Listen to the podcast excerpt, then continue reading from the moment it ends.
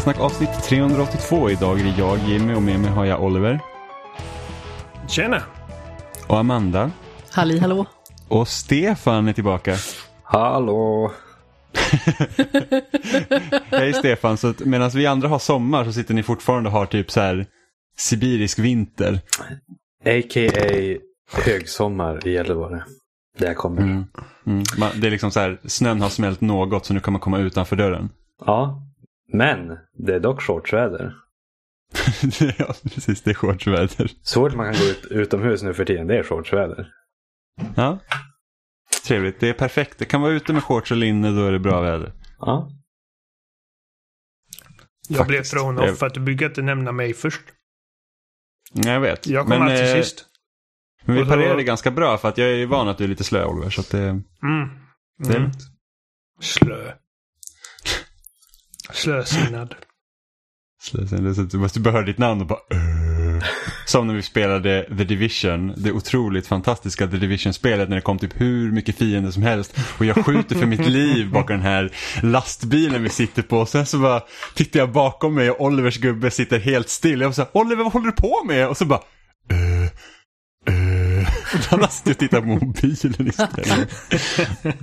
Men Division Så Nej, Division var inte kul. Har du spelat tvåan Oliver? Nej. Jag vet Inte att eh, Adam var på och tjatade om att, ja men alltså, för att han, han köpte, jag vet inte varför, men ah, han fick på sitt jobb fick han den här liksom superspecialutgåvan med en staty. Ubisoft är för övrigt grymma på att liksom erbjuda statyer på karaktärer som ingen egentligen bryr sig om. Och så här, jävla, eh, jävla eh, anonym division-agent. Vad vem fan bryr sig? Ja. Så han köpte den av någon anledning för att den var jättebillig för honom på hans jobb. Och han har tjatat på mig bara, ah, men vi kanske, vi kanske kan typ spela ifall, ifall du hittar det. Jag bara, nej. Nej tack. Nej. Nej, men det är liksom så typ att, åh, för det finns inte tillräckligt många spel där man liksom kan skjuta på fiender som tål hur mycket som helst. Nej, och alltså det, jag har kommit till den punkten i mitt liv också. Liksom att jag, jag har inte tid att lägga... Alltså jag har inte tid att lägga på spel som jag egentligen inte vill spela. Det är samma som liksom, alltså, spel som jag egentligen inte orkar klara heller. Liksom, ifall, jag, ifall jag kommer någon, en bit in i spel och bara, äh, men ah, fan, nu får det fan räcka. Typ som Assassin's Creed, jag kommer nog aldrig klara Assassin's Creed Valhalla. För att det respekterar inte min tid som vuxen människa. Med jobb och ansvarsområden och grejer. Ehm, så jag, bara, jag, jag känner inte den här skyldigheten att ta mig igenom spel längre. Som jag gjorde förut kanske. Jag tror att eh, om det tisslar och tasslar om nästa Assassin's Creed som ska vara ännu större.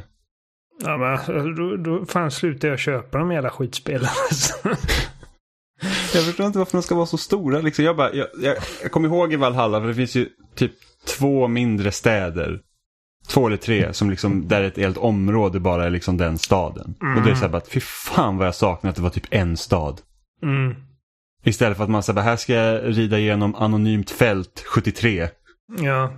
till väg till nästa liksom, grej. Så man får ju liksom ingen relation. Det, det var det jag gillade med typ Assassin's Creed 2. Det var att man kände sig verkligen att ja, men jag vet Florens, jag känner till Venedig. Liksom. ja man får verkligen typ precis. leva sig in i dem.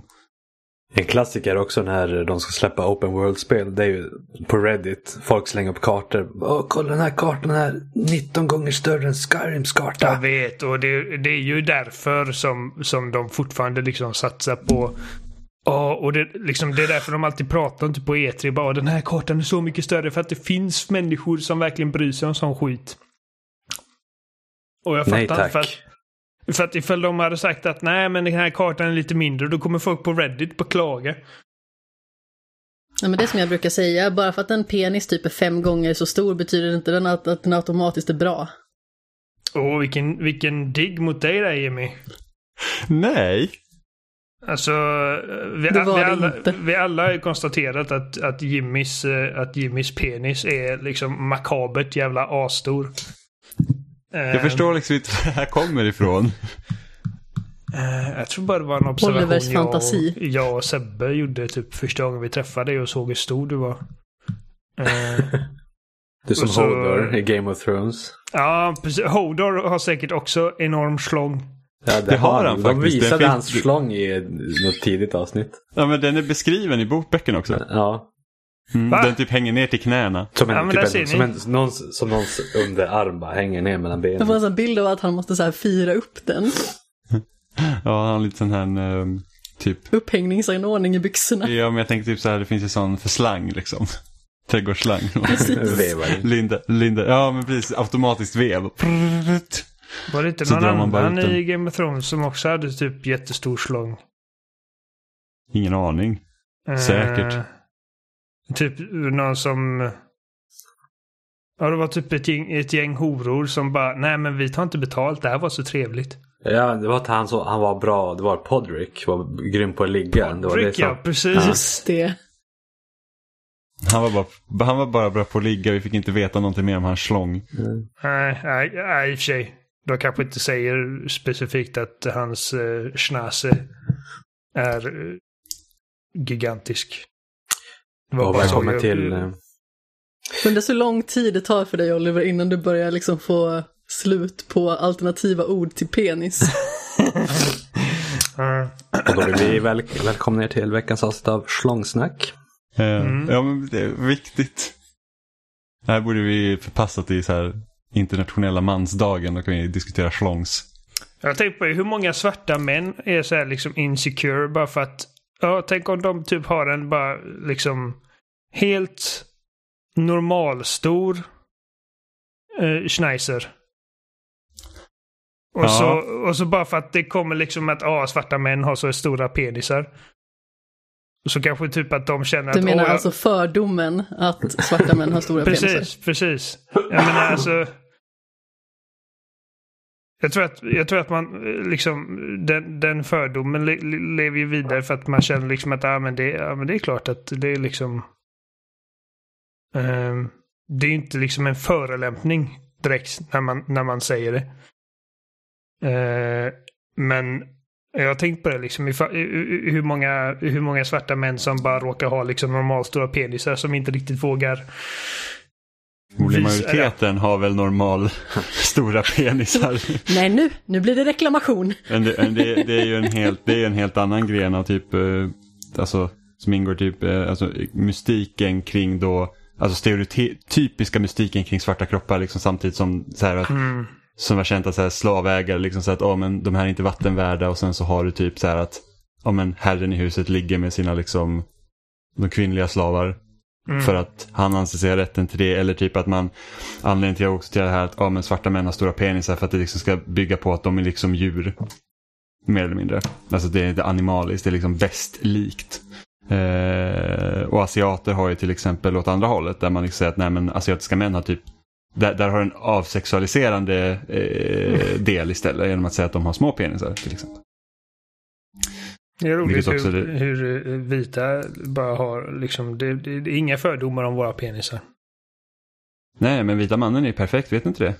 Det var ju som typ Vita mannen är lagom. när, när, eh, när eh, Storbritannien koloniserade Indien till exempel så var det typ så här att ja, men alltså, vi typ bränner upp deras kultur och böcker och sånt för att vi vet redan att eh, vår liksom, kultur är överlägsen. Men jag vet inte, jag, jag kan inte språket men jag vet det ändå. Typ. Mm. Helt bisarrt. Låter som, något Trump skulle säga. Ja, och funderar på om Trump ska göra comeback nu för att typ majoriteten i Republikanska partiet vill att han ska ställa upp i nästa presidentval. Och man säger bara, vilket jävla eh, ruttet skitparti Ja. Det är. Alltså seriöst, det är liksom usch. Vilka kräk. Bara helt moral bankruptcy. Ja men verkligen. Det är liksom bara så att, ja men det gick ju bra, vi fick nästan makten igen med den här muppen. Så att vi kör på det igen för att det är det enda vi bryr oss om.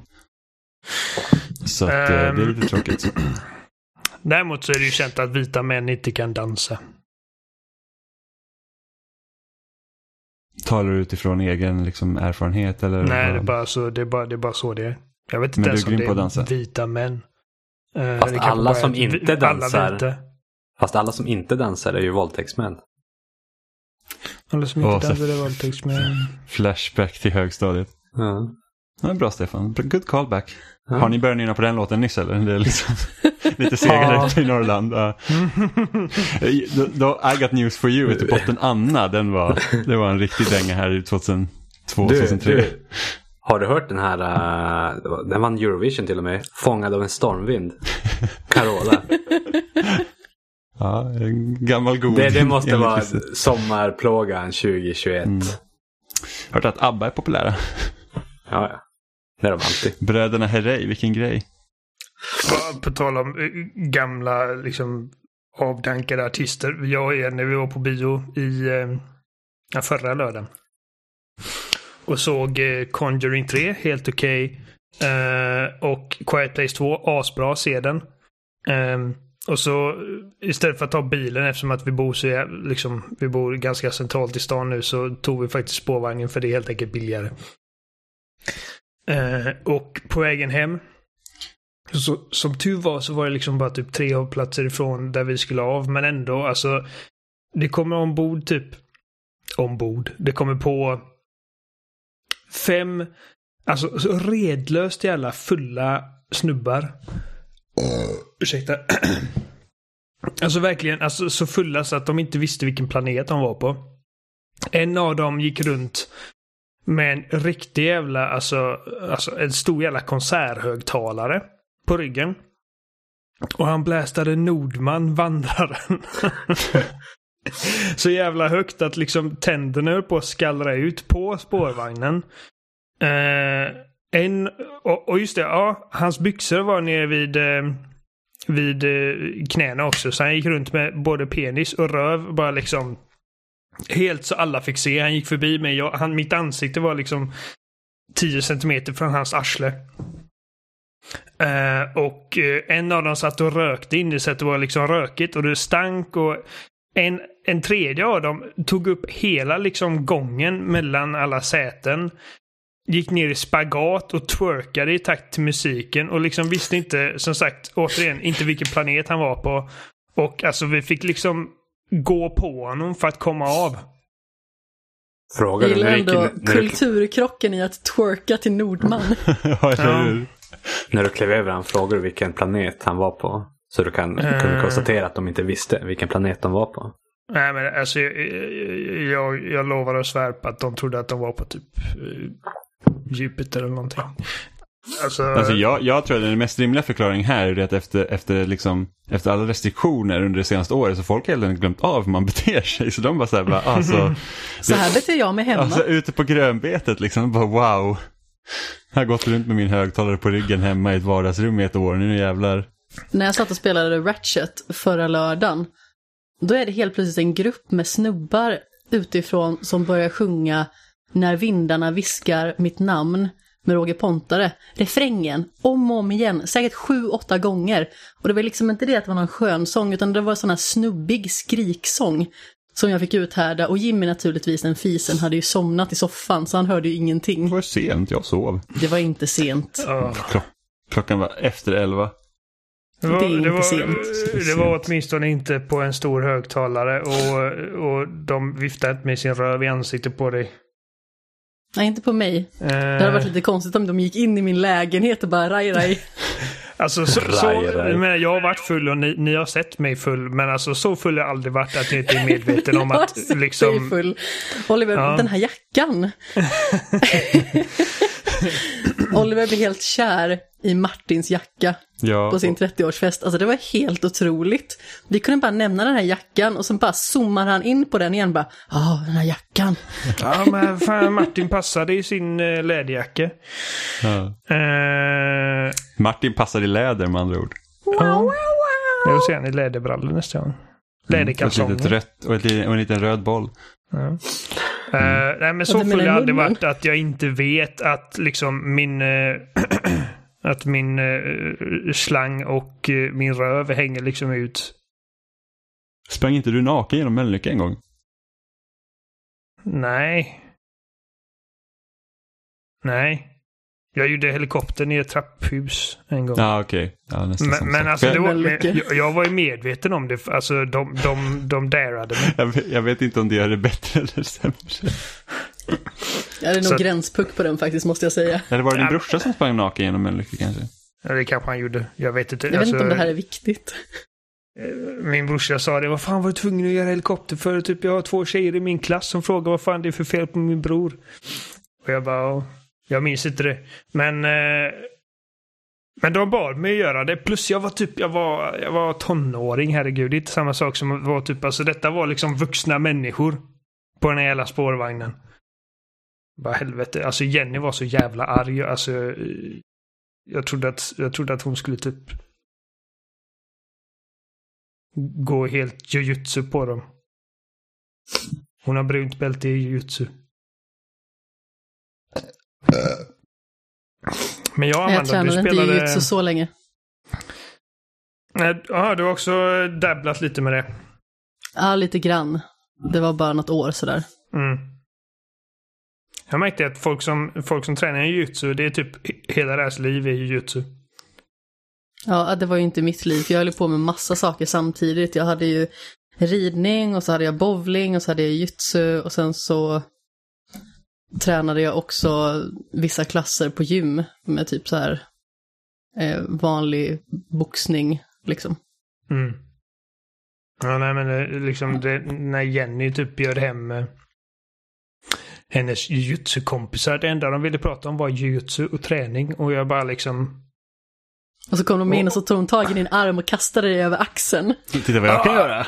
Ja men, de, ja men de är så jävla typ glada och så jävla typ fysiska. Håller på att typ grabbar en och typ pillar och bara åh, liksom ifall de ser en människa som de vet inte är med i deras jujutsu-kult så är det liksom bara typ hela uppdraget för dem resten av den dagen är att rekrytera den här stackaren, alltså mig, till deras jujutsu-klubb och jag bara fan, nej. Jag har ett liv. Låt mig vara. Ja. Vad gör du då? Jag spelar tv-spel.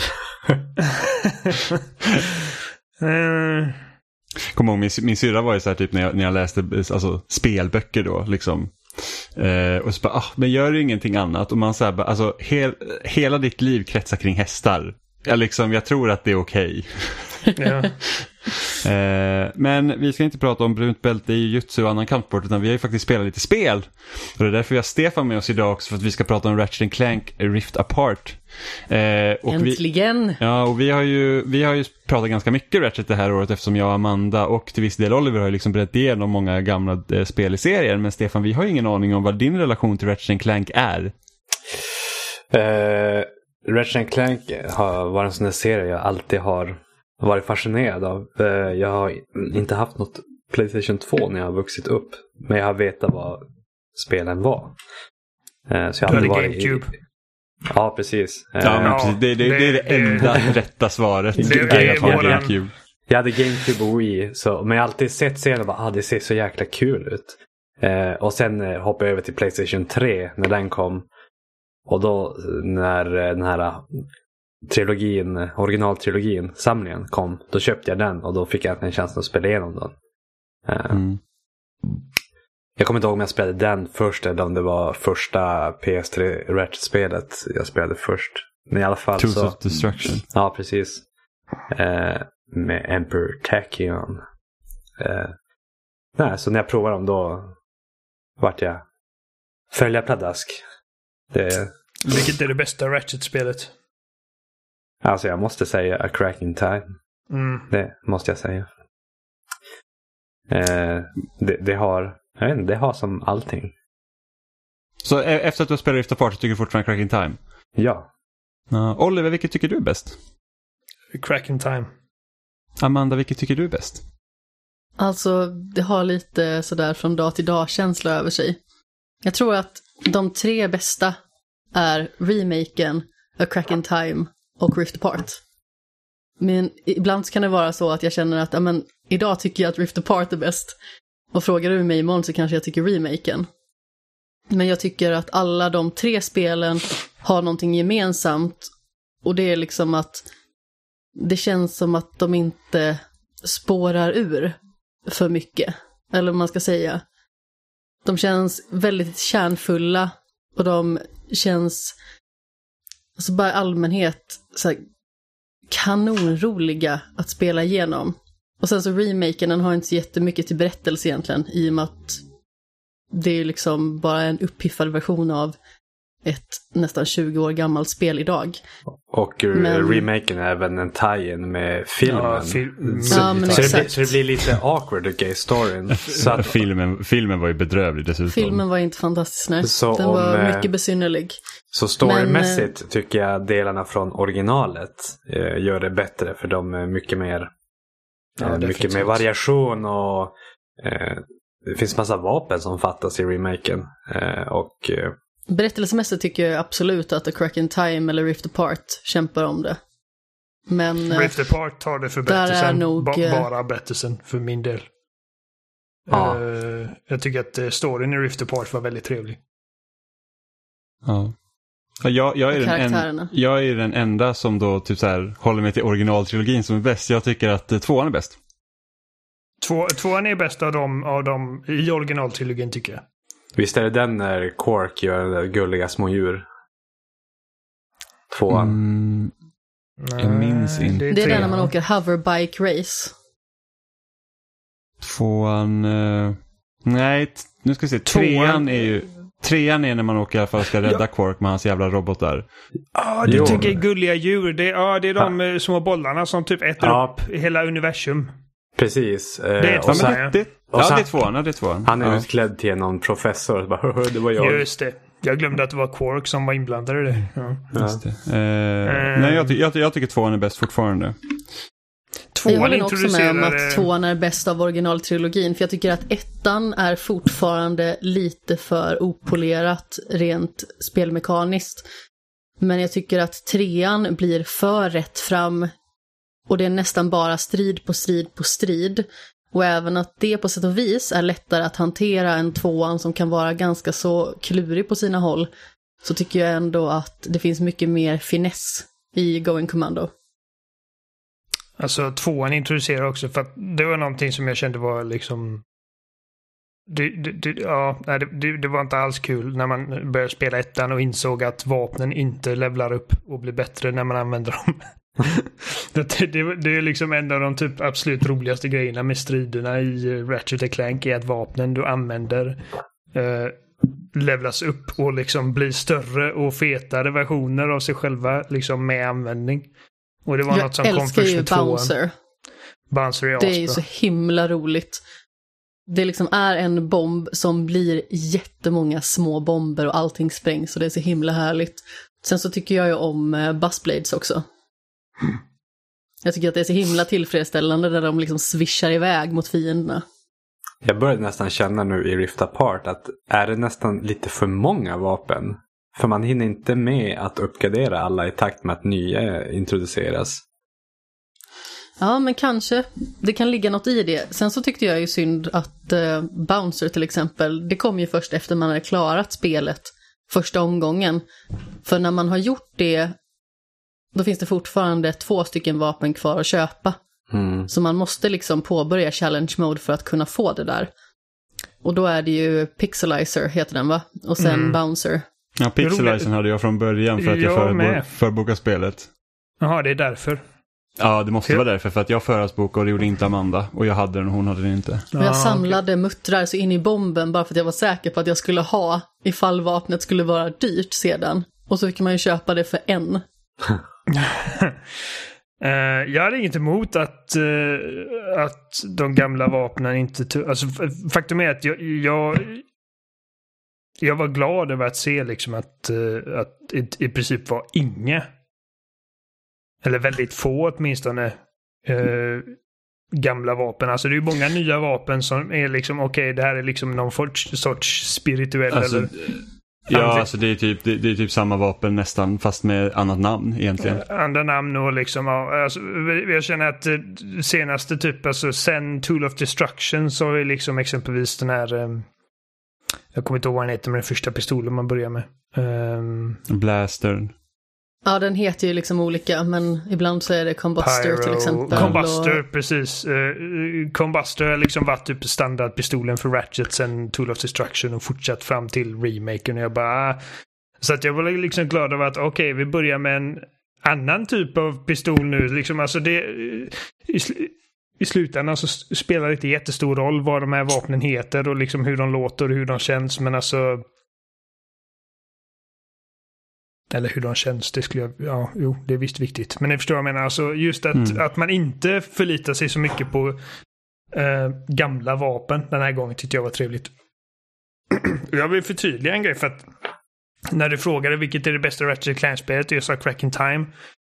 Det betyder inte att jag inte tyckte om Ri- Rift Apart. Rift Apart var, alltså, jag har haft skitkul med Rift Apart. Eh, jag skulle till och med gå så långt att säga att jag älskar Rift Apart. Det var bara att jag tycker fortfarande att Cracking Time har lite av den variationen som jag, som jag tycker att resten av serien saknar. Liksom att du har typ att du kan åka runt i ditt skepp och besöka planeter. Och som sagt, det, är väldigt länge sedan jag spelade Cracking Time. De delarna kanske, är, kanske inte är lika roliga idag som de var då. Eller som jag upplevde dem då. Men det var liksom att det fanns grejer som eh, eh, ska man säga, spiceade upp liksom tempot lite i det spelet. Medan Mm. Rift Apart Jag, eh, jag tror att anledningen till att Rift Apart egentligen är så att det, det är mycket liksom sidofluff som är bortskalat. Det är för att jag tror att de har satsat mer på berättelsen den här gången. Det är, liksom, det, det är Mm. inte så mycket, liksom, du har att den här Ja men det är som, som eh, Dr. Nefarious öppnar upp eh, en ny dimension som, som Ratchet och Clank hamnar i och då liksom handlar det mer om att ja, vi måste eh, hitta eh, Clank eh, och sen så mm, ska vi då fixa det här så att inte alla dimensioner typ rasar samman och sen så har vi då, eftersom vi delar upp också eh, med att spela hälften som Ratchet och hälften som Rivet så, så delas ju liksom hela spelet upp också. Att det, det, det känns som att det finns en, en större liksom det är mer bråttom än vad det kanske varit i tidigare delar. Liksom att målet är tydligare. För att de tidigare Ratchet Clank-spelen, i alla fall på PS2, så var man i princip ändå en actionhjälte. Eh, och då gör man lite uppdrag och det är liksom så här, ja det finns en skurk, men det är liksom så här att vi kan racea lite här, vi, vi, vi gör liksom lite andra saker emellanåt. Så att det, det är liksom inte den här du får liksom inte typ den här nästan domedagskänslan, även om det inte liksom så här att, nu låter det som att det här Ratchet Clank skulle vara väldigt mörkt, det är inte. Men liksom det här att men det har stakes. men liksom att, så att, precis, det känns som att det finns en urgency som, som kanske inte har funnits i, i alla fall i tidigare delar på samma sätt. Och- eh, och just det att, Förutom i slutet av A Crack in Time. ja ja, men precis, det, det blir skillnad, men liksom just det att, och, och att det är mer liksom Samtidigt är det mer karaktärsdrivet. Liksom vi har flera nya karaktärer som inte bara dyker upp utan man faktiskt får lära känna dem. Eh, speciellt med Rivet.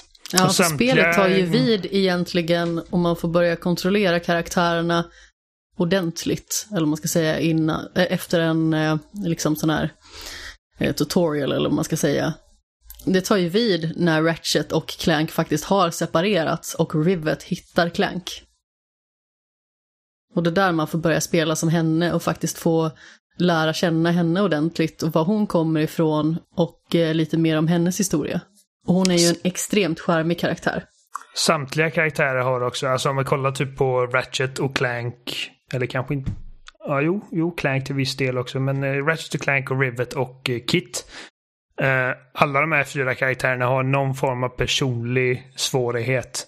Eller något trauma. Eller någonting som, som eh, gör att de känner sig osäkra på sig själva. Och eh, det, det var, ja, som sagt, det, det var väldigt mer karaktärsdrivet. Jag tycker det funkade väldigt bra för den här, för den här serien att fokusera på det. Ja, och trots Eh. allt känns det ändå inte påklistrat, för jag menar vi har ändå fått Nej. lära känna de här karaktärerna, eller i alla fall två av dem, i väldigt många spel. Och det känns liksom som att de inte kastar på en ny historia bara för att. Utan det känns ju väldigt tydligt att det har successivt börjat vävas in från Tools of Destruction då i Ratchet och Clank. Och sedan så kommer de här två nya karaktärerna då i Rivet och Kit som tillför väldigt mycket alltså liv till serien tycker jag. Stefan Ja, alltså de- Ursäkta Emil. Ja, Stef Nej, Stefan, vad, vad tycker du om, vad känner du om Rift Apart och liksom de nya karaktärerna och hur berättelsen är upplagd? Jag tänkte Eh, fråga specifikt, vad tycker du om Rivet? Jaha, eh, jag kommer tillbaka till det. Jag, jag har suttit och eh, digitalt räckt upp handen här och väntat på min tur lite. Eh, det är så, det, när alla har åsikter samtidigt är det svårt att flika in. Ja. Men, eh, Jo, det är bara att flika in, butta in med armbågarna. Nej, jag, back, jag backar lite grann innan jag hoppar tillbaka Ja, på frågan. renhornen. Precis. Eh, Jimmy pratade om eh, att det var lite mer du vet, linjärt, lite mer, inte så mycket sidofluff och sånt där. Eh, och då började jag tänka på att det känns lite grann som att det har att göra med utvecklingstiden också på spelet. Att det är så, ska vara så nära eh, releasen på Playstation 5 och att jag tror inte de har haft devkits jättelänge. Eh, så en del, eh, eh, på ett visst sätt så känns det som att eh, de har redan börjat på det här lite grann på eh, PS4-tiden. Och så har de haft lite bråttom att få igenom storyn och fokusera mer på det än att kunna bygga ut eh, världarna ordentligt. Mm. Och det, det märker jag även. Eh, jag är en sån där som gillar att, att, kolla alla nooks and crannies när jag spelar. Och jag kände att det var många osynliga väggar i det här. Jag ville prova att hoppa upp på grejer. Nu vart vart jag ofta mött bara man dunk, dunkade in i väggen. Och lätt att fastna. Ja. Jag fastnar flera gånger så att man ramlar mellan någon plattform och så bara, hopp, nu är mitt liv kört. typ. Alltså jag hade sån maximal otur. Jag skulle hoppa in i skeppet och så råkade jag stå lite bakom det. Så då öppnade sig själva, vad ska man säga, dörren. Cockpiten liksom. Ja men precis, på mig. Så jag satt fast under den och sen så vägrade den stängas för att jag hela tiden, i och med att jag stod där, triggade öppningen. Jaha. Så jag var tvungen att ladda om. Ja. Nej, men så att det, det, är, det är lite sådana små saker jag känt att eh, eh, ja, som ni redan har nämnt att storyn är ju jättebra. Och, och, men man märker att de har jag tycker det känns lite påskyndat på vissa fronter som att man fastnar. Att det är mycket osynliga väggar och inte lika utforskarvänligt. Eh, ja, förutom den stora ytan på en viss utforskarplanet. Men eh, Fast samt, samtidigt känner jag ändå att spelet går lite tillbaks till hur PS2-spelen var upplagda när man kommer till planeter. Att, Och det var något som saknades lite mer på PS3 tycker jag. Även om du som i A Cracking Time, då man hade de här små planeterna man kunde åka till som kanske bidrog till att utforska. Men jag känner att när man hamnade här på nya planeter, då var det ju ofta så att man kunde välja lite åt vilket håll man gick åt. Så jag hamnade ofta på sidospår innan jag liksom råkade hamna liksom då på huvuduppdraget. Eh, något som fanns i alla fall väldigt tydligt i både ettan och tvåan. Ja, i, i, det- speciellt på första planeten man är Ratchet. Då, Mm. då är det ett tydligt sidospår att de säger om du går hit då finns en infobot. Och då är det tydligt. Då är det som en liten minibana med lite hinder tills du kommer till infoboten. Sen bara kommer du tillbaka till eh, där du började. Eh, det, Jag, jag, trodde att, jag trodde att jag var inne på huvudspåret. ja, det trodde jag också. Jag- Eh, men eh, ehm, Jag gick ju direkt till den här nattklubben som man skulle till. Club Nefarious eller vad den hette. Mm. Jag tror det är svårt Och sen att bara beskriva. kollade jag över på Jimmy så bara, vad fan är du för någonstans? Jag tror det är svårt att beskriva exakt vad, vad, vad, vad jag menar med begränsad utforskningshet eh, på ett bra sätt. Klart det finns. Men jag tror jag förstår att du menar liksom det här med när det finns liksom en stor värld Och så finns det och så grejer. går du liksom runt i, en, i den och sen helt plötsligt bara stöter du på en vägg där det inte borde vara en vägg. Det- För att, för det liksom, Det ser även ut som att eh, du ska för kunna... ögat ser det inte ut som att det är det. Nej, det ser ut som att man ska kunna... Det är ofta så här format nästan som en trappliknande låda där man kan hoppa, börja hoppa uppåt. Och tänka, nu har de gömt någonting här. Så börjar jag gå dit så bara bunk, en osynlig vägg. Man bara, jaha. eh, ja. Mina enda klagomål på det här spelet är egentligen sådana där små saker. Så som sådana petitesser. Det Mm. utöver. Eh, och eh, en, en grej jag är lite besviken över också är att det inte varit så mycket Nefarious som jag ville att det skulle vara i spelet heller. Och jag hatar ju Nefarious. Jag tycker Nefarious är så jävla eh, muppig. Jag tycker han är skönt muppig. Nej, han, han, bara, han bara låter och skriker.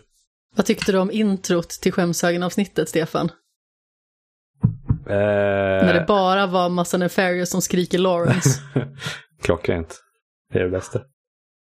Var det bara jag som fångade upp i creditsen att eh, Nefarious adopterade en liten baby Lawrence?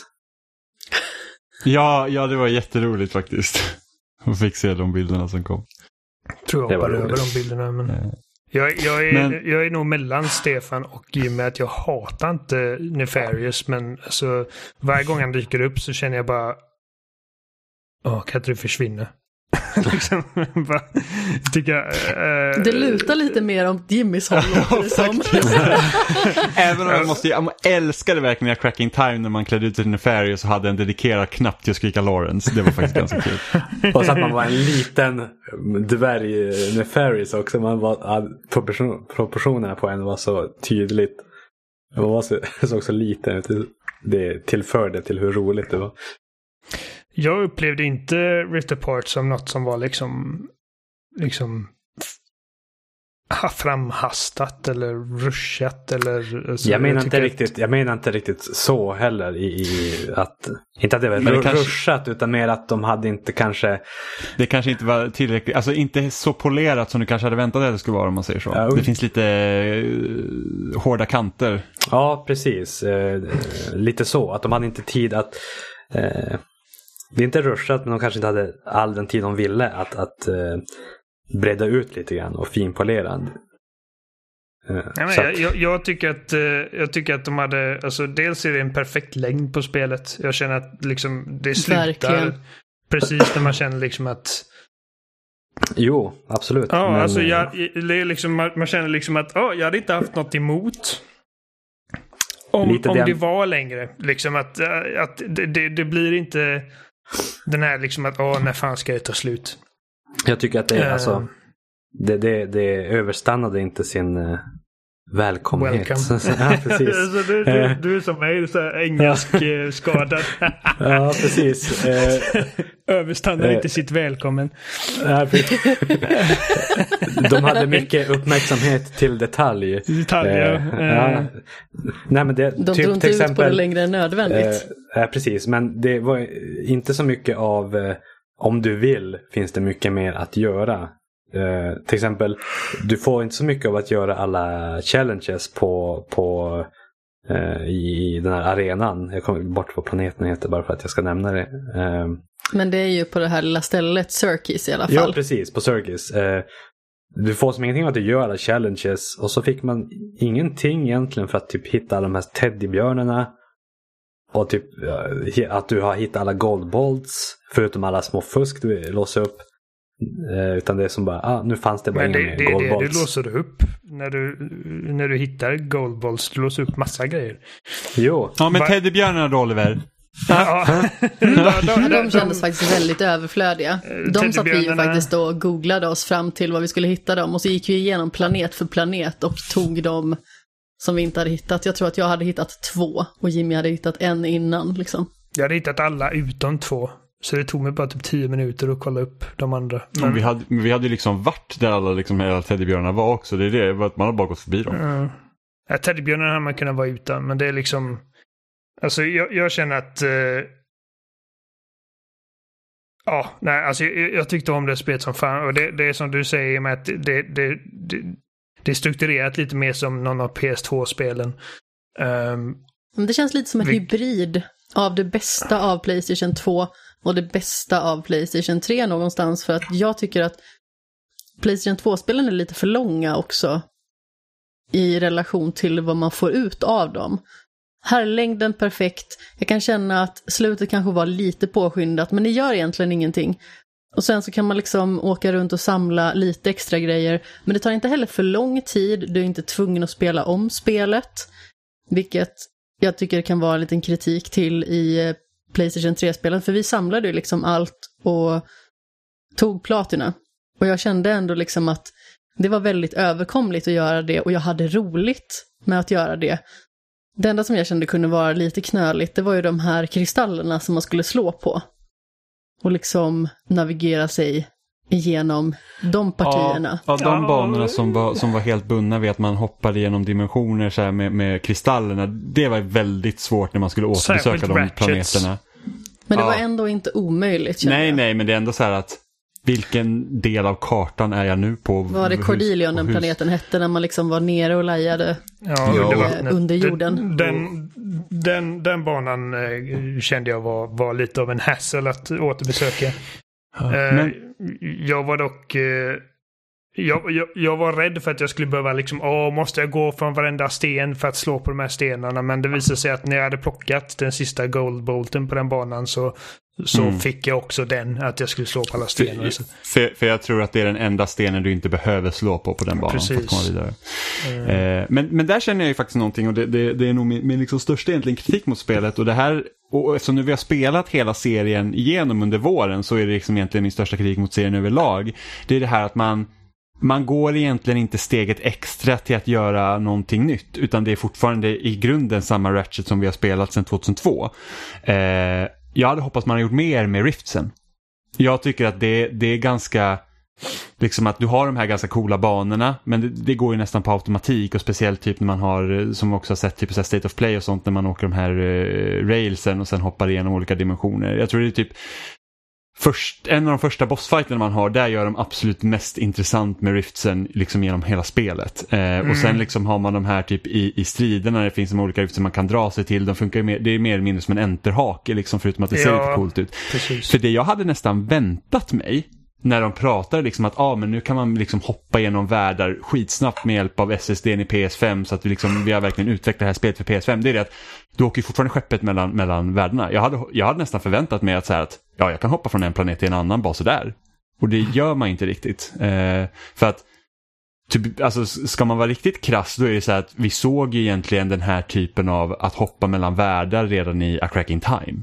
Förutom att det tog mycket längre tid att ladda in världarna. Det tog mycket längre tid och var det inte alls på samma sätt. Och det är liksom inte det att du åker till en annan planet som du gör liksom i vissa av bossstriderna till exempel. Ja men det, det, precis, Utan det det är är, samma planet, Jo, jo, men- bara det att det är olika men samtidigt har man liksom att tidsåldrar. Precis, man hoppar genom tiden. Ja, men men liksom det, det, är liksom, det är samma egentligen grund. Och det hade jag hoppats på i Cracking Time också, att man tog in tidsaspekten där alltså, och, och utveckla liksom kanske mer få in det mer i spelmekaniken än vad man får nu. För nu blir det mest som att, ja men visst det är en flashig grej, men liksom det ändrar egentligen inte på någonting. Jag kände mig så himla häftig första gången jag åkte igenom en rift och bara liksom bytte plats. Och bara så, wow, nu är jag här borta. När man liksom känner att man liksom klättrar igenom, det är nästan skal som det blir. Jag tyckte det var superhäftigt. Sen så tycker jag i allmänhet att de implementerade väldigt väl. Alltså de gjorde ju ganska häftiga saker där. Alltså jag gillar ju verkligen det här med när man åker på railsen.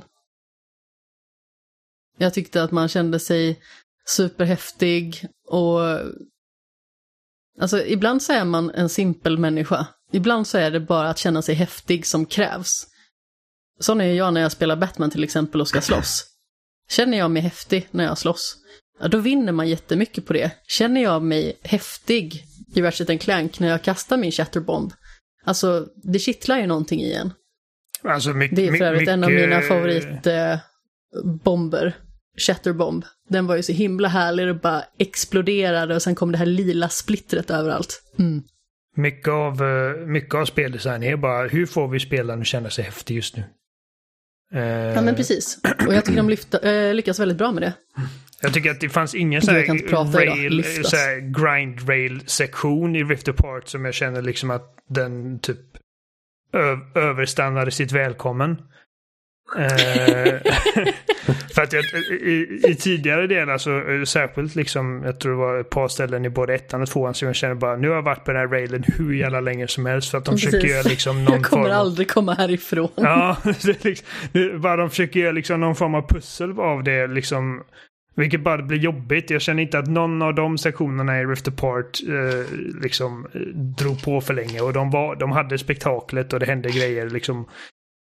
Eh, så att, eh, ja, det tyckte Det jag kändes gjorde bra. mer som det här roliga inslaget som man egentligen ville ha. Alltså momenten är ju väl avvägda och det spelet gör bra i sina då set pieces det är ju det att du låter ju spelaren oftast vara i kontroll hela tiden. Vilket gör att det liksom inte blir bara så att jag ser en cutscene utan man får ju faktiskt, man får åka på railsen. Man får, alltså första bossstriden tycker jag är liksom där de använder då Riften på ett, ett riktigt bra sätt. Det är liksom, de, introducerar hela konceptet väldigt bra där. Det är bara synd att de inte gör mer med det.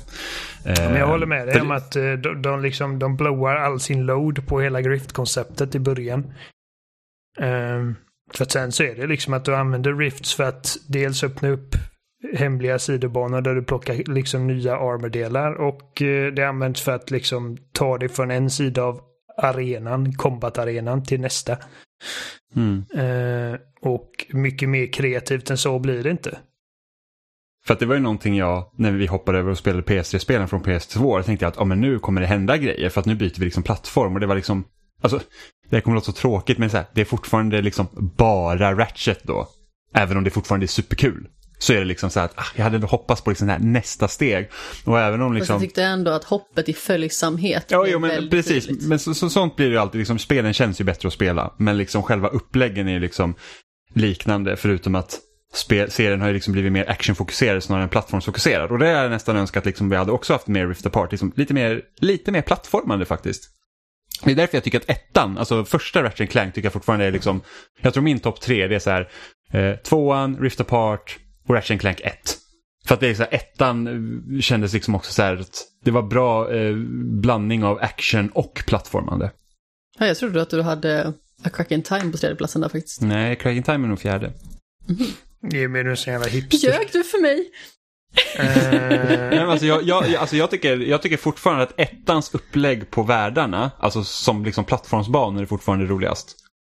Något jag gillar här också, det är liksom att om vi tar A Crack in Time och i relation till de två andra, om vi säger favoritspelen jag har i serien, då gör det sig själv lite onödigt långt med att man måste åka runt till de här miniplaneterna och fånga olika Sonys för att kunna komma in på vissa platser. Det tycker jag är lite frustrerande. Alltså det är liksom inte spelförstörande på något vis, men det gör att spelet blir lite längre än vad det egentligen hade behövt vara. Det jag gillar med remaken och det jag verkligen gillar med Rift Apart, det är att det känns som att de är så perfekt avvägda. Det är liksom den här måltiden när man känner att men, jag är inte hungrig efteråt, men jag är liksom inte heller så mätt att det liksom verkligen alltså, faller ur öronen på en egentligen. Utan man känner sig nöjd, man känner att man liksom verkligen har fått någonting ut av den här måltiden, som då är spelet naturligtvis. Eh, och man känner att man verkligen har fått ta del av komponenter som man älskar. jag Hur känner du? att- Ja, ursäkta. Vad ska du säga Oliver? Nej. Eh, eh, jag skulle bara säga att jag känner att Rift Apart eh, gör actionbiten bättre än någonsin. Och det, det har ju mycket att göra med liksom hur snyggt allt det är och eh, hur följsamt det känns. Alltså jag märker att bara liksom en sån grej som att Ratchets liksom wrench-svingande alltså hans vanliga melee-attack är så mycket mer snappy än förut. Hans hopp är så mycket mer snappy. Allting han gör bara görs mindre floaty och bara händer mer direkt. Och mm. eh, DualSensen gör mycket också för att liksom bara liksom ge det den här typ känslan av att vapnen gör sin damage och att de hanteras olika och jag tycker att vapen eh, Alltså det, det, är egentligen bara ett enda vapen i hela den här, för att det är många vapen, men det är egentligen bara ett av dem som jag inte gillar att använda och det är den jävla sköldgrejen som jag känner helt meningslös. Um, ja, för det är så att du har redan en shotgun. Ja, precis. Och skölden skyddar inte jättemycket. Jag har för att två spelet shotguns, inte så, så... för jag har Pixelizer och uh, Enforcer. Ja, just det. Pixelizer. liksom. mm. Vilket var ditt favoritvapen, Oliver? Åh oh, gud. Uh, fråga Stefan någonting ska jag tänka på det.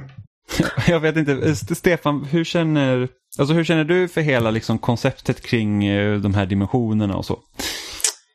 Uh... Ja, men det är väl lite, lite som, eh, som ni redan har, har, har nämnt om det. Att eh, eh, konceptet är ju nice. Det är coolt. Men eh, att det inte liksom, ja, att det fortfarande är de här att du flyger med planeter. Inte så mycket att, eh, att du hoppar, ja, att du mid-level inte riktigt bara zoomar igenom eh, dimensioner på så vis och implementerar det i själva eh, ska man säga, flöd, mm. flödet på så, så vis. Mm. Alltså jag hade nästan verkligen väntat mig att jag kunde bara hoppa från planet till planet instantly. Liksom. Ja, det, det satt jag också förväntade mig. Uh, och tidigare började jag tänka på, när du nämnde ettan, då började jag tänka på det här momentet när, när Kit går full Saiyan och blir stor defense robot. Mm. Uh, började jag tänka, hade inte Clank det där i de tidigare spelen? Är inte han en sån där också? Att han kan bli en... Jo. Med. Jag tror det finns en bana i ettan där man spelar, eller flera banor till och med. Där man, jag tror i ettan får man typ nästan för förstöra nästan en hel stad som Clank. Ja, och, va, och sen vart, i... vart tog det vägen? Varför eh, återbesöker de inte det någonting? Jag, jag vet mm. faktiskt inte. Nej, man kan, sen... man kan göra en cool duo-grej när Ratchet och Kit bara, eller vad heter det, Clank och Kit bara blir, mm. båda blir så här stora. Jag tror att skillnaden mellan Kit och Clank är att Kit verkar typ förlora sin egen vilja nästan. Alltså, så, alltså det är typ den här liksom järnjätten-grejen. Ja, jo. jo Eh, liksom ögon. ögonen blir röda och liksom bara åh, hon, hon liksom siktar på Ratchet. Men hon har ändå kontroll för hon lyckas hejda sig och typ i slutändan så väl, kan hon välja att liksom använda sin så här warbot. Det är lite, lite luddigt om hur det fungerar men eh, Clank förlorar aldrig kontrollen. Han var alltid på Ratchets sida om man ska säga. Mm. Eh, Sen, sen har vi bara så här en liten pet peeve när det kommer liksom till övergripande låren för det här spelet och det är så här att de liksom narrativa trådarna de börjar med i Tools of Destruction är fortfarande olösta. ja, men Med alltså, Lombax. Ja, med Lombaxes. Och det är bara så här att... De är lite inkonsekventa med den här serien. Och jag vet, men nu har vi liksom... Har Det de- här, alltså både Cracking Time och det här spelet har de liksom satsat mer på story än någonsin liksom. Men någonstans är det att, det fan, det, ingenting löste sig igen liksom. Men nu känns det som att nästa Ja. steg i storyn är att faktiskt åka och eh, hitta Lombaxes. Ja, men det kände jag ju var det här spelet också. Men det var det Ja, jag men menade. i precis, Rift- alltså jag håller med i dig, Stefan. I Rift Apart var det, det, det slutar på den noten. Ja, nu har vi allting. Vi har, nu är Dimensionatorn i våra händer. Nu kan vi åka och... Jag eh, lovar att de hittar ett sätt för att inte göra det. I början då man kommer Nej, men alltså, bara... jag håller med Stefan här. bara Alltså att det känns som ett naturligt nästa steg. Det känns som att men, det fanns fortfarande en Lombax kvar i då Azimuth, till exempel i A Crack in Time. Och sen så i Rift Apart, då visade det sig att det finns en Lombax, fast i en annan dimension. Mm. Och de skulle kunna vara alternativa versioner av varandra liksom. Och sen Eh. vet inte jag hur det fungerar heller, liksom att, att eh, Rivet skulle vara Ratchet och tvärtom. För att det är så här att det går lite emot eh, typ så här loggar och sånt man hittar i, Mm, i Ja. den st- stora planeten. Det är väl de- dens, Ja, på, eh, den eh, dimensionens variant av, av Ratchet. Så att, Ja, fast samtidigt borde det inte vara det. För att de, är, de snackar om att ja, vi skickar alla, alla lombaxes till den här dimensionen, bla bla. ja. Eh, Precis, det är liksom så att Ratchet borde ju rimligtvis komma från den här dimensionen redan.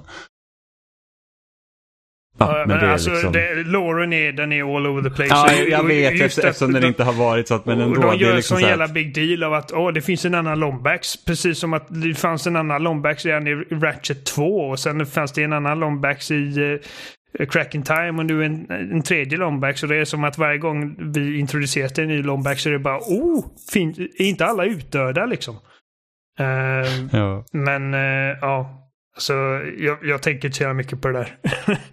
ja, men det är bara för att vi har spelat igenom allting och jag har varit så här superinvesterad. Jag, Jag, gillar älskar... däremot de, Ja, då, Stefan. Ja, jag tänkte säga att jag gillar de här eh, Lombax lore-bollarna man åker runt och hittar. Och får lyssna på han som ska kartlägga alla dimensioner. Mm. Eh, det är så sköna Easter eggs. Det, det är inte jättemycket men jag tycker det är en riktigt trevlig genomlyssning att höra hans lilla eh, små episoder om han håller på med. Det var ett par gånger som det Mm. kändes som han liksom gjorde någon referens till någon annan, något annat spel eller någon annan. Ja, han, han, han, han, han gjorde referens till typ fyra spel. Först pratade han om eh, Sly Cooper. Han bara, "Ah, jag såg en Lombax fast med kortare öron och någon slags eh, cane i handen. Och såg ut som att han skulle iväg på någon Ah. heist. Ja, det är klart det är Sly. Ja, sen pratade han om eh, Jack and Daxter. Att eh, han hade någon, eh, någon, eh, någon på axeln som alltid kommenterade, live-kommenterade vad han gjorde. Han snurrade ibland och sådär. Eh, det är Jack and Daxter. Sen pratade Det de om, vet, sen pratade de om han var en dimension där allting var gjort av eh, ull. Och de, det var någon röst i, i, som guiden hela tiden. Det är Little Big Planet. De pratade om till exempel. Jag, jag var kopplade inte någon av de grejerna. Jaha. Jag borde ha kopplat den med han, han som har någonting på axeln. Men det, Ja. det med heist, jag bara vänta lite nu. Nej, jag vet inte Och så när du använder Rhino, ibland då droppar ju han ner. Eh, Sly Cooper landar där framför en i typ en kort sekund. Roliga Rhino. Var jag- inte den jag- väldigt underväldigande jo, dock? jag försökte använda den på bossar. Det bara 6% per skott. Ja, jag vet. Jag bara- Det är typ, det är typ den sämsta Rhinon. Och, och, Alltså den första är så extremt tillfredsställande. Alltså i och med att jag och Jimmy gjorde den här fuskgrejen och fick så himla mycket muttrar i första spelet så kunde vi ju gå och köpa den i mångt och mycket direkt. Och sen så bara flöt man ju genom spelet. För man kunde ju mula allting i sin väg så himla fort. I vilket av spelen, Bossen bara dog. i vilket av spelen är det Rhinon skjuter kulsprutar, missiler och spelar... Det är väl A Crack in Time. Är det det? Ja, jag tror det. Jag tycker det är, är hilarious. Men jag tycker att den, den Rhinon tycker jag inte om. Jag tycker den, den har alldeles för liten range. Alltså Jag tycker det är Rhino den här gången känns det som att det är mer typ en referenskanon än någonting annat. Ja, det kan ju komma en Thunderjaw från Horizon. Jag vet, jag fick aldrig fram den. Alltså jag tyckte Hallå? att de försvann så jävla snabbt att det var svårt för mig att se ibland vad det var jag sköt. Ehm. men ja, alltså jag vill, bara, jag vill bara säga att jag älskar verkligen Rivet. Ja. Ja, Eh, hon är en jätte, jättebra karaktär hur, verkligen. Alltså, hur, hur charmig, alltså bara... och bara så för, jättesöt. jag blir så förälskad i henne. Jag Liksom bara, alltså jag kan tänka mig liksom ifall, de släpp, ifall nästa Ratchet Clank-spel är Rivet and Kit så är det bara ja, jag är helt okej med det. Men alltså jag har faktiskt funderat över det, liksom så här, vad skulle de kunna ta det härnäst? För att jag har svårt att se att de ska liksom dela upp det så här igen. Och jag har en känsla av att det faktiskt skulle kunna bli att man fokuserar på alltså Rivet och Kit. Ja, det är så de skiter i att lösa hela den här grejen med lombaxerna igen. Det blir Ja. inget Ratchet Clank, det blir Rivet. Man bara, mm. Nej, men jag tänker mig liksom att de nästan skapar en ny spelserie, eller liksom en förgrening av spelserien så att det finns fortfarande Ratchet Clank. Det kommer komma nytt Ratchet Clank, folk vill ha det. Det har ju märkts också kring Rift Apart att det har gått så himla länge sedan man fick ett nytt spel i huvudserien och folk har verkligen törstat efter det. Folk har velat ha det så otroligt mycket, och även jag själv. Så eh, jag skulle kunna tänka mig att de liksom splittrar de här två. Och sen så kanske de gör lite besök i varandras världar med att det liksom är då Ratchet Clank och sen Rivet och Kit. Jag tänker mig så här i och för sig, koncept jag av vet att man ska samarbeta mellan dimensioner. Att om det nu är så att i alla dimensioner finns en variant av en Lombex och en, och en Clank typ. Att man ska, de ska synkronisera och göra någonting samtidigt i, i olika dimensioner.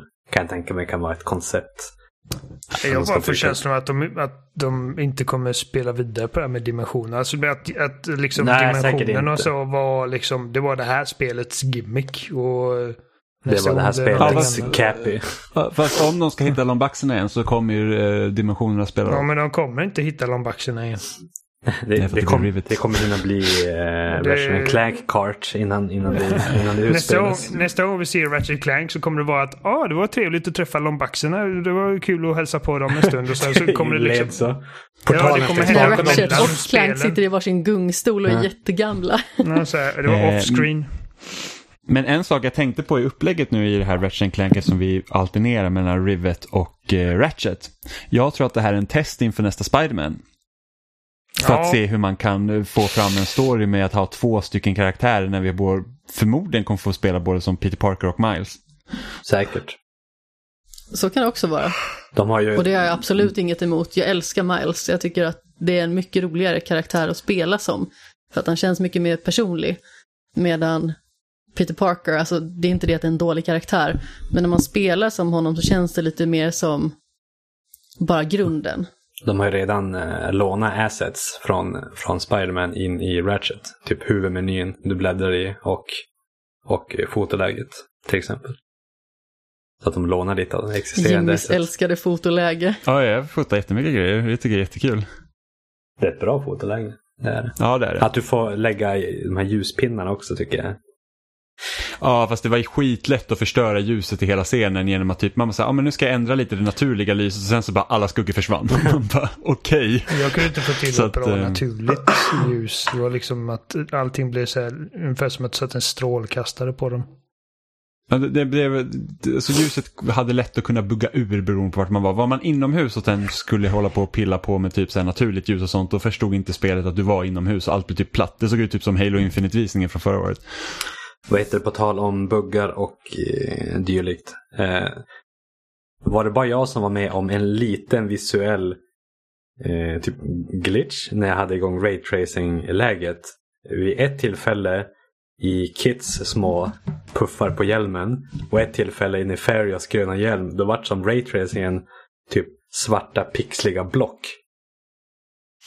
Nej, jag har bara sett Nej. bilder på att det har hänt. Men det, för jag, på, på den fronten så var jag helt buggfri. Det vart Jag har offsetting när varit- det dök upp mitt i en cutscene. Man bara, "Ö, va? Oj. Jag har varit helt buggfri helt och hållet. Jag har, liksom, jag har inte Jag fastnat också. någonstans.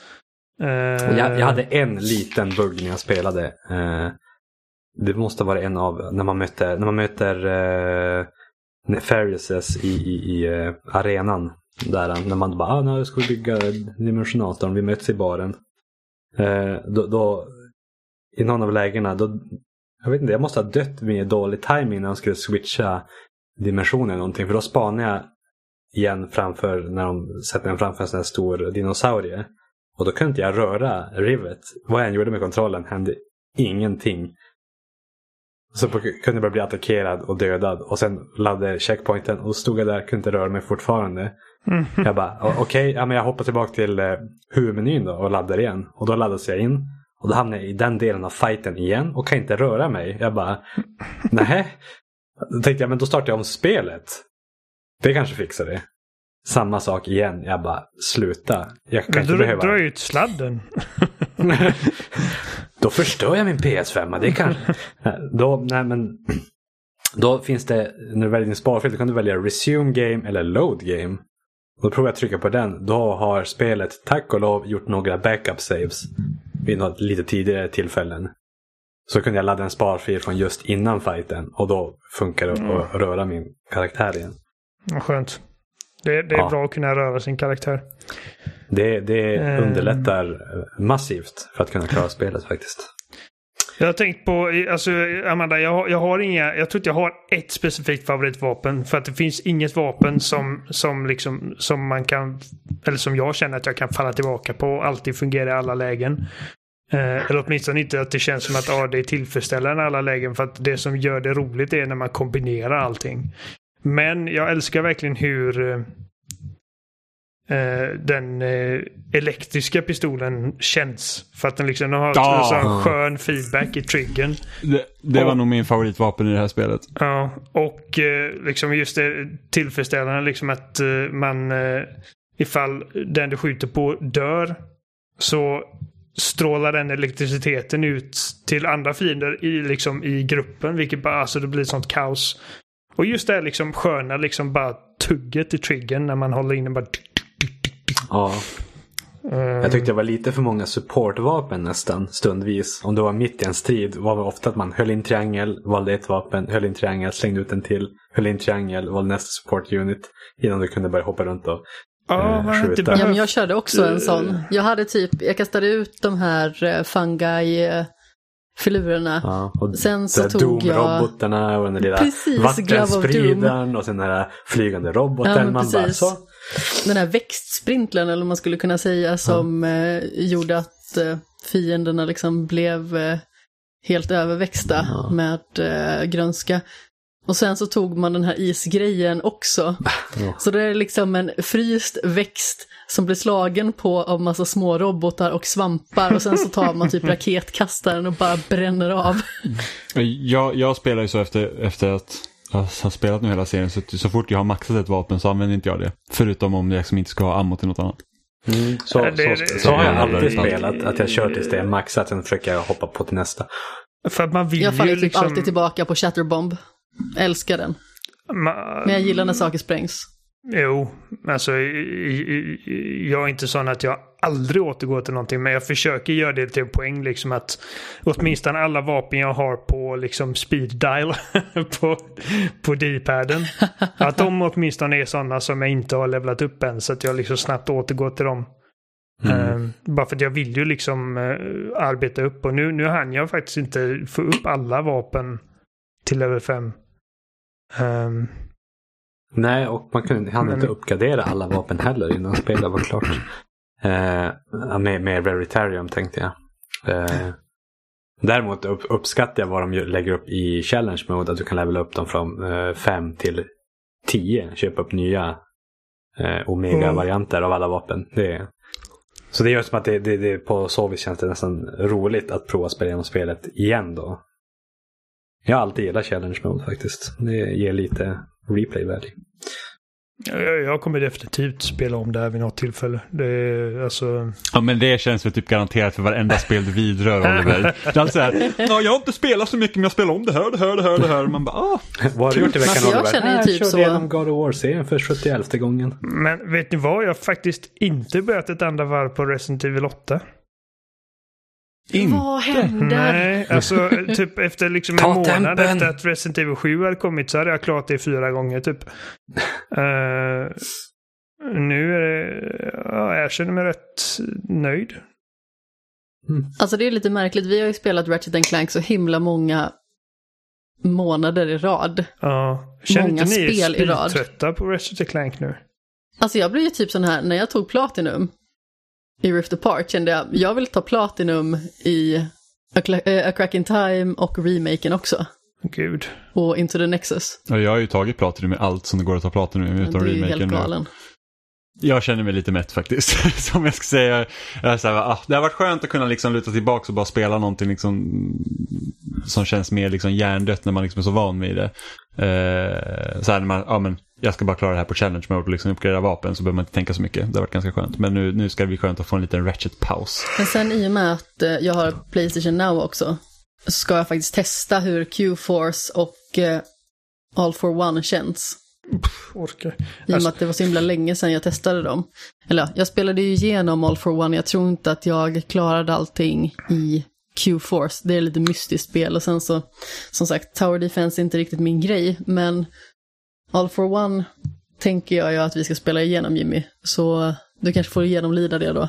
Jag funderade på att spela igenom eh, remaken när de släppte den här eh, patchen för 60 bilder sekunden till PS5 eh, innan eh, Rift Apart kom. Men då var, tänkte jag också jag kanske blir lite eh, jag vet inte, mätt på den, den upplevelsen. Mm. För jag, alla Ratchet är ganska same same när man spelar hur det känns att gå runt och sådär. Eh, då tänkte jag spara mig så det känns så fräscht det bara kan när Rift Apart väl släpps. Jag spelade ju remaken som ett av de första spelen som jag spelade när vi skaffade Playstation 5. Eller den första av de två vi har i hushållet. Ja, hade patchen kommit då? För 60 Jag bilder? tror inte det. Nej, det hade jag inte gjort. Det var i slutet av januari. Ah. Så den kom väl betydligt senare än så va? Den kom senare. Jag tror att den kom typ när du var klar. Precis. Det är, det, är, det är en Eh. klassiker eh, på Reddit när det kommer så här, eh, typ en 60 bilds uppdatering. Då bara “You're welcome guys, I just beat this game last night”. Eh, så, så var det någon som skrev “Ja, ah, men kan du klara ut Horizon nu då så vi får en 60 patch till den också?” Ja, precis. Men eh, Oliver, du hade ju inte bara spelat Ratchet som Insomniac-spel utan du hade ju återgått till en av deras tidigare titlar. Ja, för att nu har jag varit så jävla mycket Insomniac och jag bara... Alltså jag är mer ett fan av Insomniac idag än vad jag någonsin varit för att det är liksom... Det är Det bara, är en studio som har varit bättre och bättre. Ja, de, de har verkligen hittat sin... Alltså sen, äh, det känns verkligen som att sen de släppte liksom Spider-Man där så känns det som att de kom in liksom i sin nya groove om man säger så. Jag måste Eh. snabbkolla deras lista med spel de har gjort i någonsin. Så jag ifall jag inte Ja, men de har gjort en del uh, fys, fysgrejer som typ, vad heter det? Um, Fuse. Ja just det, det var de. Uh, så här riktigt skräpspel. Um, Just det, de har gjort Sunset Overdrive som jag har velat prova för, i, i jättelänge nu. Och det är det eh, Oliver har spelat också. Ja, just det. Spyro, Spyro också. Spyro med. De tre första. Jag De tror inte de gjorde mer än tre. Nej, de sen Nej. köpte Activision. Just det. Eh, ja, alltså Sunset Overdrive har ju, jag har ju haft det i många, många år nu. Men det är en sån grej, liksom det spelet har verkligen inte, alltså det har eh, gnuggat mig fel. Rubbed me the wrong way.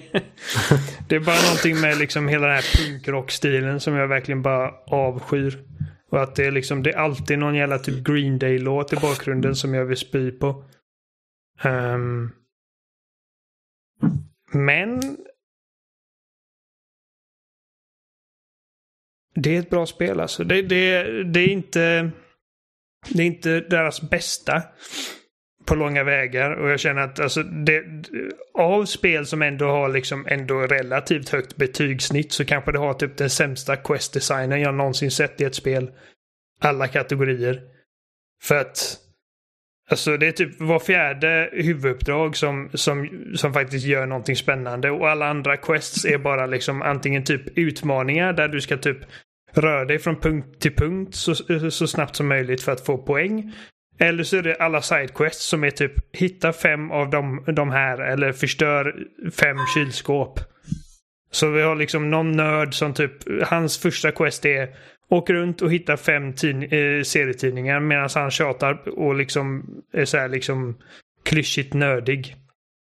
Um, och sen nästa, nästa uppdrag av honom är åh, åka ut och hitta fem ytterligare comic books. Och sen hans sista uppdrag är hitta tio comic books. Och det förändras aldrig. Det är bara det liksom att du åker från punkt till punkt. De är alltid liksom utplacerade på kartan och du vet exakt vart de är. Det är bara att åka och hämta dem. Och så får du döda fiender på vägen. Och sen har vi någon annan tjomme, någon lajvare som ger dig i uppdrag att gå runt och slå sönder typ någon jävla elektronisk modul som sitter på väggen och pratar med dig. Och, in, och de, de, liksom snackar om typ, ja vad gör de här? Och det är ingen som vet. Det är liksom helt meningslöst.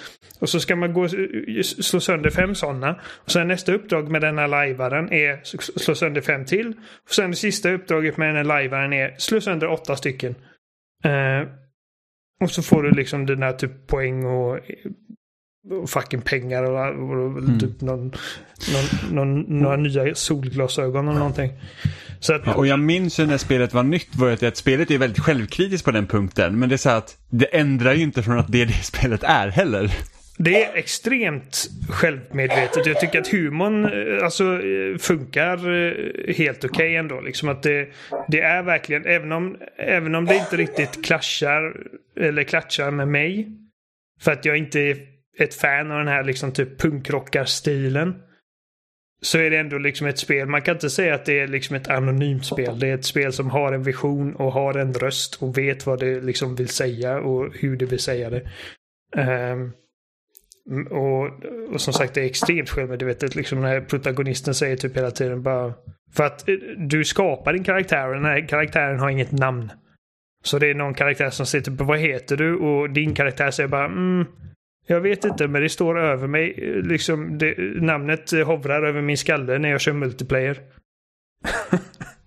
så att det, liksom, mm. det är väldigt äh, bryter fjärde väggen och liksom typ väldigt ja, äh, self-deprecating. Uh, men om det är en grej liksom i det här spelet som verkligen, för att stilen kan jag leva med, men alltså eh, det är verkligen quest-designen som, som drar ner det här spelet. Ehm, det som lyfter spelet är dock bara hur jävla roligt det är. Liksom, hur, kul det är bara med movement i spelet. Liksom att du, det är typ som om du typ tar Tony Hawk och gör ett actionspel i en öppen värld av det. Liksom att eh, det, det uppmuntrar dig liksom att hålla dig grindandes på, på typ powerlines och på alltså på allt möjligt. Allting som ser lite ut som någon form av kant som du kan grinda på kan du grinda på. Och allting som du tror att du kan studsa på kan du studsa på. Så att det är liksom hela tiden typ the floor is the lava. Uh, the game typ. Liksom att håll dig i rörelse, håll dig i luften. Uh, grinda, spring på väggarna, studsa på bilarna och liksom uh, döda zombies. Och det är bara väldigt tillfredsställande för att du har liksom uh, Insomniacs liksom största styrka som studio är liksom alla coola och liksom uh, uh, uppfinningsrika vapen. Uh, så liksom, TNT Teddy.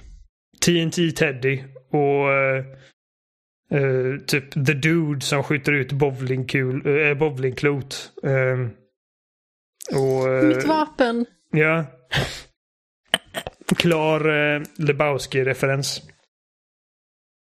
Eh, och alla de här typ eh, zombiesarna som, som man liksom förvandlar till liksom geggig eh, typ köttfärs.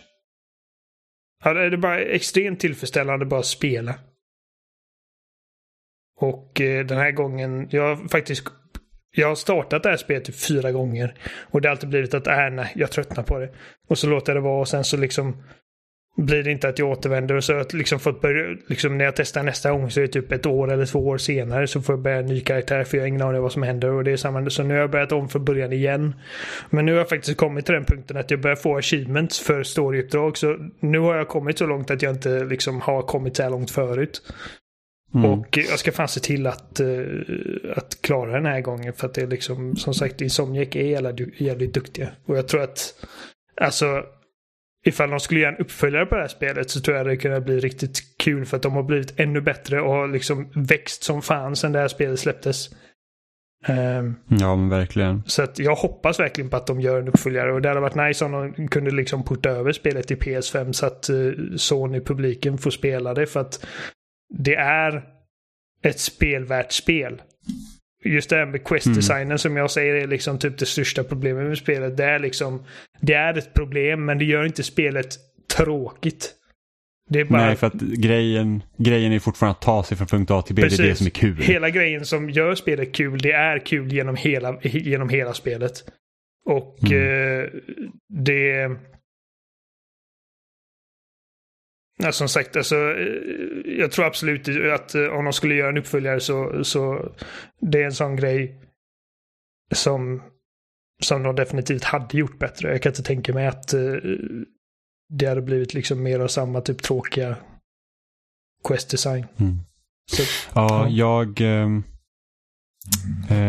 jag tror att när, när det här spelet var nytt så jämförde jag det med Skate. När man tog runt sig. Alltså i Skate så är det så att du konstant liksom använder du tummen för att liksom ta dig framåt och göra tricks och röra dig. Och jag känner liksom samma sak på Sunset Overdrive. Att, liksom att mm. du, är, du har hela tiden någonting på gång. Du, liksom, du kan inte automatiskt bara ta dig framåt utan du måste vara aktiv i vilka liksom, vägar du tar och var du liksom placerar fötterna och uh, hur du liksom tar dig framåt. Så att det gör liksom att det, det, blir heller inte jobbigt att ta sig runt från saker för att du, du måste liksom, det blir inte långtråkigt för att det är du som gör det. Du ser till att du kommer framåt. Skillnaden med skate och... Eller skillnader. Den, den, den största skillnaden mellan skate och Sunset Overdrive i det avseendet är att Sunset Overdrive är betydligt lättare än, ja, än skate. För skate kan vara liksom riktigt komplicerat när man ska få, liksom, få få igång specifika trick och sådana grejer. Jag tycker att alltså, jag, mm. jag, jag blev aldrig riktigt bra på skate. Um, men Sunset Overdrive är extremt lätt. Alltså det enda du behöver göra för att liksom börja grinda är att trycka på X-knappen. Och så börjar han grinda. Och det enda du behöver göra från där är liksom att hoppa av liksom räcket och börja grinda på nästa grej. Eller börja studsa. Men det är som du säger att man är ständigt aktiv, liksom att man trycker på knapparna och, och hjärnan är hela tiden, liksom, eller din blick är hela tiden på jakt efter nästa punkt som du ska connecta med för att du ska slippa liksom få den här otillfredsställande, liksom, åh, jag landar på marken och eh, resetade min eh, multiplier. Mm. Uh, så ifall, Alltså jag vet att du, du, du menade, du gjorde jämförelsen med skate som liksom eh, en fördel för Sunset Overdrive. Ja, precis. Eh, och jag vill bara poängtera att för de som inte har spelat Sunset Overdrive, om du tycker liksom att skate är avskräckande för att det är svårt. Det är inte så Sunset Overdrive är, utan jäm jämförelsen kommer utan liksom med att... att du är ständigt engagerad i rörelserna. Yes. Inte, så att det är liksom, inte att det är liksom svårt du håller liksom att göra inte Nej precis, du håller liksom inte in en knapp för att göra alla de här tricksen utan du måste liksom där, var landar du, var riktiga kameran, vilket vapen använder jag just nu, liksom vilka moves gör jag för att kunna ta mig framåt. Så att det, mm. det är liksom så att, så att, tummen, om man säger så, är i rörelse konstant. Precis. Och som i skate. Och det största liksom, bedriften med det här spelet är bara liksom hur de har byggt upp den här liksom, öppna världen som är en fiktiv stad som heter Sunset City. Men vad det egentligen är är bara liksom skatepark i princip. Liksom att det finns, mm. ingen, det finns ingen del av den här kartan som inte går liksom att använda till din movement. Um, om det så är liksom att, att grinda på någonting eller springa på väggen någonstans eller uh, typ uh, åka vattenskidor på, på vattnet eller uh, studsa från båtar eller soptunnor eller bilar eller parasoller. Liksom, det finns överallt finns det någonting som din karaktär kan använda för att liksom hålla upp ditt momentum. Och det, det, mm. det är liksom det som Sunset Overdrive är. Det är liksom att du håller uppe ditt momentum och liksom köttar zombies. Och mm. det, det är faktiskt jävligt roligt. Ja.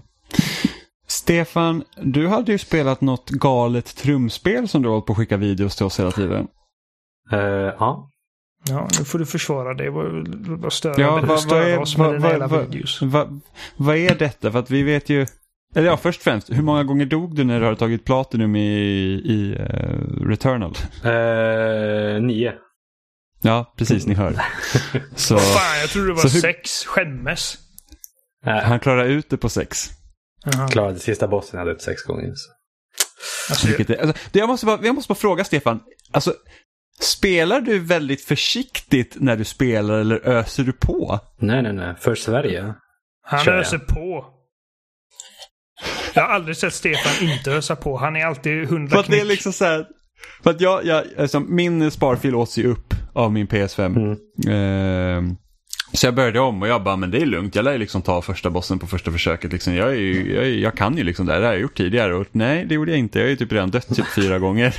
Men nu har jag i alla fall tagit, nu är jag på värld tre då igen. Ehm, men ändå. Mm. Nio gånger. Ja, det är alltså det, är, det är fan provocerande. Jag tror, mitt Ja, spel, det, det är mitt spel hade Jag det kraschat nio gånger innan jag kom till första bossen. Eller kuk. Så Att det, jag tror jag sa det i podden så att Stefan lär klara det här. För han har ju typ Stefans dödsantal i Returnal är minus. Och när han sa bara, Åh, nu har jag klarat Cuphead. Jag dog fan typ 53 gånger. Jag bara, what the fuck. Jag dog 53 gånger på första bossen. Jag dog totalt i Cuphead typ 1200 gånger eller något sånt. Den jävla drakbanan var helt... Du är äcklig Ah, fan, Stefan. Jag gillar inte det. Tack. Men eh, vad, vad är det för trumspel du har spelat? Eh, nu kommer jag aldrig ihåg namnet, men jag brukar kalla det japanska Donkey Konga. vilket, är, vilket är lite kul med tanke på att Donkey Kong är japanskt. Ja, ja precis. Fast det är så. inte, inte lika mycket i tonen liksom. Du har inte typ Nej. skrikande japanska småflickor. Nej, och liksom... det, det är väl det mest störande med spel. Det är den här konstanta eh, taggade japanska eh, rösterna överallt. Fulle klirr! ah, komma! Skriker hela tiden. Man bara chilla. Eh, ja, men det är det jag som jag Donkey Kong... googlade Japanese Donkey Konga nu men jag fick bara upp Donkey Konga. Okej. det, vad heter det? Taiko no någonting. Taiko no Tatsuin eller sånt där.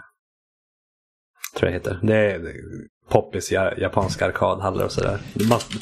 Då, där spelar man på en fysisk trumma med två pinnar. Eh, Men jag har bara spelat med handkontroll.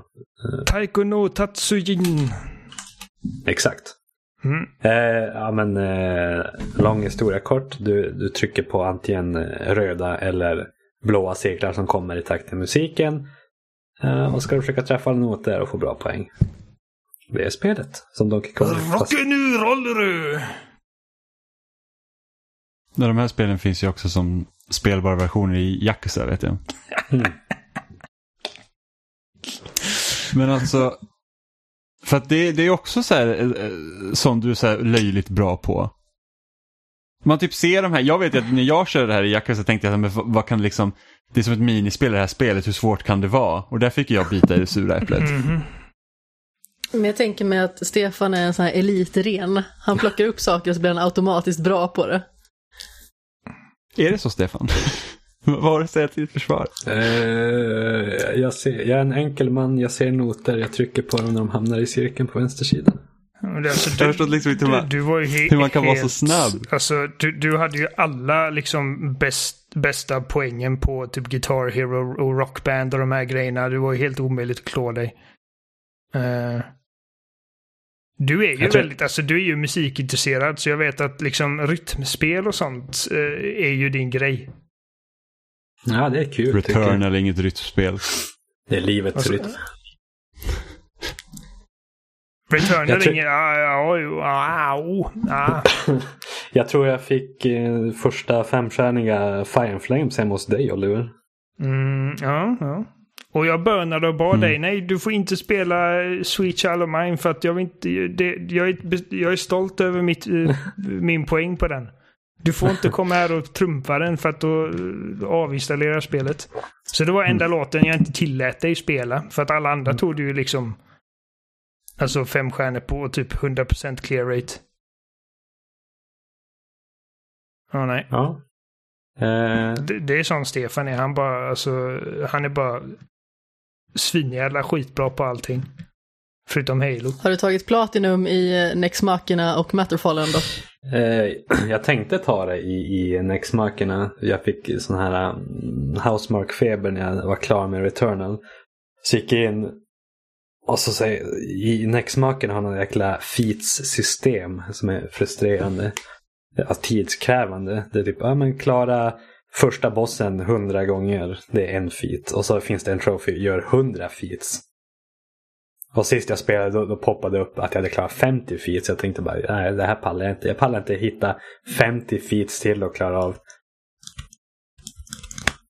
Amanda, Så kommer du ihåg det jag här eh, spelet som kom tidigare då som heter Cyber Shadow? Så här 8-bit ninjaspel. Sa du till mig? Ja. För Ja, det som jag testade en liten stund och så blev jag förbannad och så tänkte jag att Stefan har tagit Platinum med det här flera gånger. Jag har klarat det, men det var fan svårt alltså. Det, jag, jag hade problem med det spelet och Stefan har klarat det på typ 15 minuter. Ja, alltså det är helt jäkla orimligt. Alltså, jag vill tycka om det. Men jag kom liksom till ett ställe där jag blev så illa bemött av spelet tyckte jag. jag liksom blev bemött. träffad. Och så blev jag tillbaka slungad. För det är ju sån här fallskada grej liksom att om du får en träff så trillar du bakåt. Vilket Ja. är något av det dummaste i speldesign någonsin. Och då träffade jag direkt någonting annat, så jag fortsatte att falla tillbaka och till slut ner typ i ett hål. Och dog. Då kände jag bara att nej, nu får det vara nog för den här stunden. Det är bra spel dock. Det där var mitt tålamod. Svin, svinkul spel. Och så när man låser upp alla grejer så man blir mer och mer ninja blir det ännu roligare att bara swisha runt. Det, det blev faktiskt lättare för mig när Stefan hoppade in i så här SharePlay och visade men fan du ska göra så här. Jag bara, ja, man kan göra så. Ehm, Ja, det kom ju på Game Pass. Jag tänkte ju spela det och sen så har utvecklaren gjort det dumma med att sätta att alla achievements har konstiga siffror och jag bara säger I can't deal with this. Jag, jag, Vi kan spela det tillsammans på Playstation 5. jag kan komma och göra det åt dig Jimmy. Det har gått... eh, Ge mig två ja, du- timmar så har jag tagit allting. Max, maxa spelet åt mig. Vad bra. Jag kan spela ett spel så jag slipper spela det i så fall. eh, det kan vi göra. Stefan, är Cyber Shadow ditt Game of the Year? Fortfarande? Eh, jag, jag tror... Eller vänta, kom det i år eller var det förra Ja, året? Ja, det, 26 det, det kom i januari. Nej, okej. Eh, det, det är absolut där, där uppe och det är en av mina, eh, vad heter det, mina contestants för, Kandidater. ja precis. Kandidater. God afton. Nej men se goddag Ja, kandidaten! det jag var. Eh, ja, nej men det, det är absolut, det, den, är, den är där och det är en av de top contenders för mitt Game of the Year.